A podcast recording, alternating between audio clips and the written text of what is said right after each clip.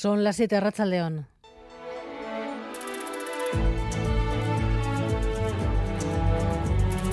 Gambara con Arancha García.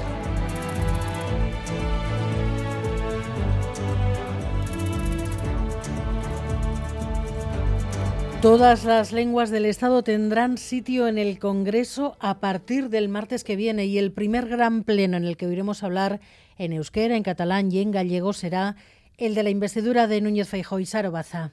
Eso es, a partir del martes será habitual escuchar a diputados hablar en euskera en el Congreso. La reforma del reglamento no se aprobará hasta el jueves, pero la presidenta de la Cámara Baja permitirá hablar en las lenguas cooficiales a partir de este mismo martes. Francina Armengol tampoco se opondrá a que las lenguas reconocidas, aunque no sean oficiales, como es el bable, se utilicen en tribuna. Las traducciones provisionalmente correrán a cargo de los traductores del Senado. Algunos grupos, como Bildu, PNV y PSOE, han aplaudido la decisión. El PP se ha opuesto, lo ve precipitado.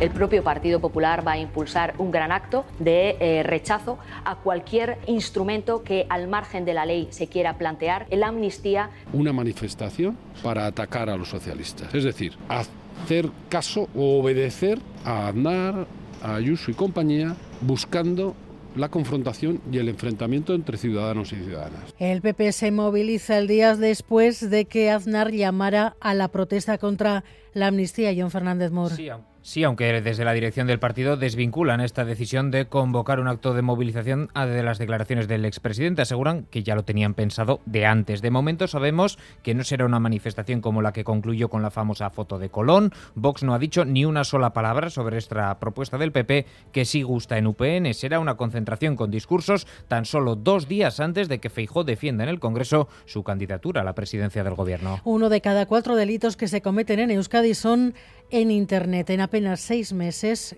más de 11.000 vascos han denunciado haber sido víctimas de ciberestafas, David Beramendi. Sí, la ciberdelincuencia va a más aquí en Euskadi y de hecho en los primeros seis meses del año los ciberdelitos han aumentado un 31%. Hablamos de casi 13.000 ciberdelitos, la mayoría fraudes por Internet. El motivo es el económico y habitualmente el ciberestafador está en el extranjero. Rodrigo García, viceconsejero de Seguridad tiene una componente global, porque es un hecho delictivo que ha podido crearse en otro país y eh, la víctima es una víctima de Euskadi.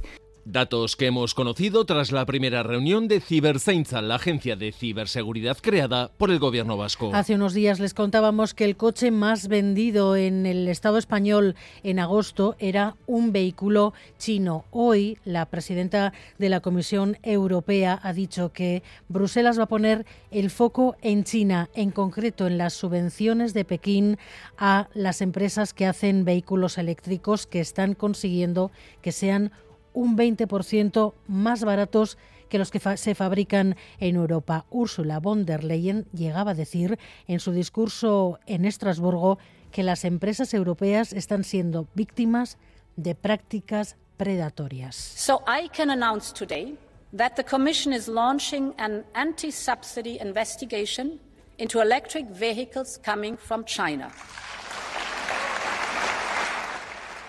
Y seguimos pendientes de Libia. La última cifra de las inundaciones, 6.800 muertos, 10.000 desaparecidos y 30.000 desplazados. En Marruecos, entre tanto, miles de personas siguen dejadas a su suerte. En pleno corazón del Atlas, nuestro enviado especial, Xavier Madariaga. Rachaldeón, Xavier.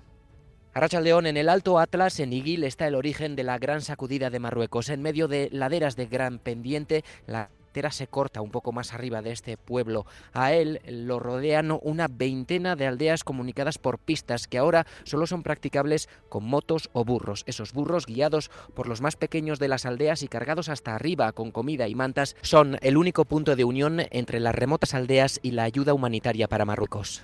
Así están las cosas en Marruecos en estos momentos, en el epicentro del terremoto de hace una semana. Y los deportes, Eduardo García, Rachaldeón. ¿Qué tal, Rachaldeón? Marcados un día más por la vuelta. Hoy final espectacular en la cima del Angliru, séptima jornada y con nueva exhibición del conjunto Jumbo-Visma, que ha vuelto a colocar a sus tres gallos en los tres primeros puestos de la etapa. Ha ganado Primo Roglic, eh, escoltado por Jonas Vingegaard, que ha llegado junto a él, y se ha dejado algunos segundos importantes Sepp aunque sigue siendo líder de la carrera cada vez con menos diferencia sobre Vingegaard. Tan solo 8 segundos ahora, Roglic está tercero a un poquito más de un minuto. Una etapa que ha resultado espectacular por ese trabajo, que veremos qué factura le pasa al equipo neerlandés a la hora de decidir quién gana la carrera, porque parece claro que va a ser un Jumbo-Visma, no hay ya opción de que los que están por detrás puedan acercarse en la general, pero eh, no tenemos tan claro quién ejerce realmente el liderazgo dentro del equipo. Si Sepp Kuss, que es quien manda la general, o si sus compañeros Roglic y Vinegar, que son los que le secundan. Buen trabajo de Mikel Landa y de su equipo, el Bahrein. Ha sido eh, Landa cuarto en la meta y se ha colocado quinto en la general, pero al final se ha quedado sin opción de pelear por la victoria de etapa.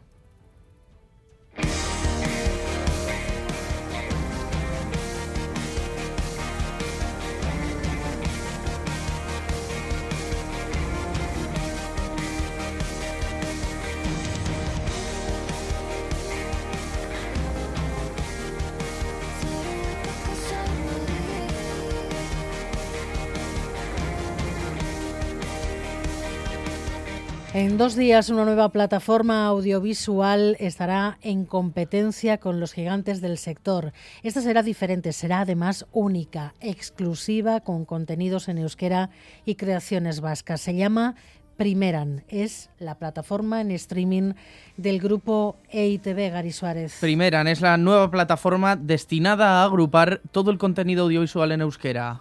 Filmak eta telesailak, bai euskal produkzioak, bai nazioarteko fikzio ospetsuak. Dokumentalak eta divulgazio programak era guztietako jendearentzat. Una plataforma que, para que nos entendamos, actuará como una especie de Netflix vasco y en el que podremos encontrar series, películas o documentales, todos ellos en euskera. Primera nace con el objetivo de garantizar contenidos en euskera y hacerlos accesibles a toda la ciudadanía. Además, en Primeran también habrá estrenos importantes y contenidos exclusivos. Lo explica Alex Gibelalde, responsable de plataformas digitales de ITV. Hogeita zortzian itxaso telesaia e, estrenatuko dugu, Euskal Thriller berri bat. E, Aste honetan bertan porno belaunaldia izeneko dokumentala ere euskeraz estrenatuko dugu plataforman, telebistan atera baino aste balenago. Astero eduki berriak izango ditugu ba, euskeraz e, gozatzeko. Una herramienta que estará disponible para todos aquellos vascoparlantes que quieran aprender euskera, practicar o simplemente ver su contenido favorito en su idioma. En la calle se ve con buenos ojos. Ah, a mí me parece estupendo a la gente que sabe euskera y mis hijos, por ejemplo, sí. Y para toda la gente, sí. Es que bizirik egotea gure badugu edo bizirik irautea gure badugu beharrezkoa da jenteak aukera ukitea a, bizitzan egiten dausen ekintza danak euskera egiteko, ¿es? A ver, todo lo que sea fomentar el euskera me parece perfecto. Para la gente que esté aprendiendo, para la gente que entienda poco y para la gente que entienda mucho. Primeran estará en marcha a partir del viernes en la web www.primeran.eus y también en formato de aplicación para móviles o televisiones inteligentes.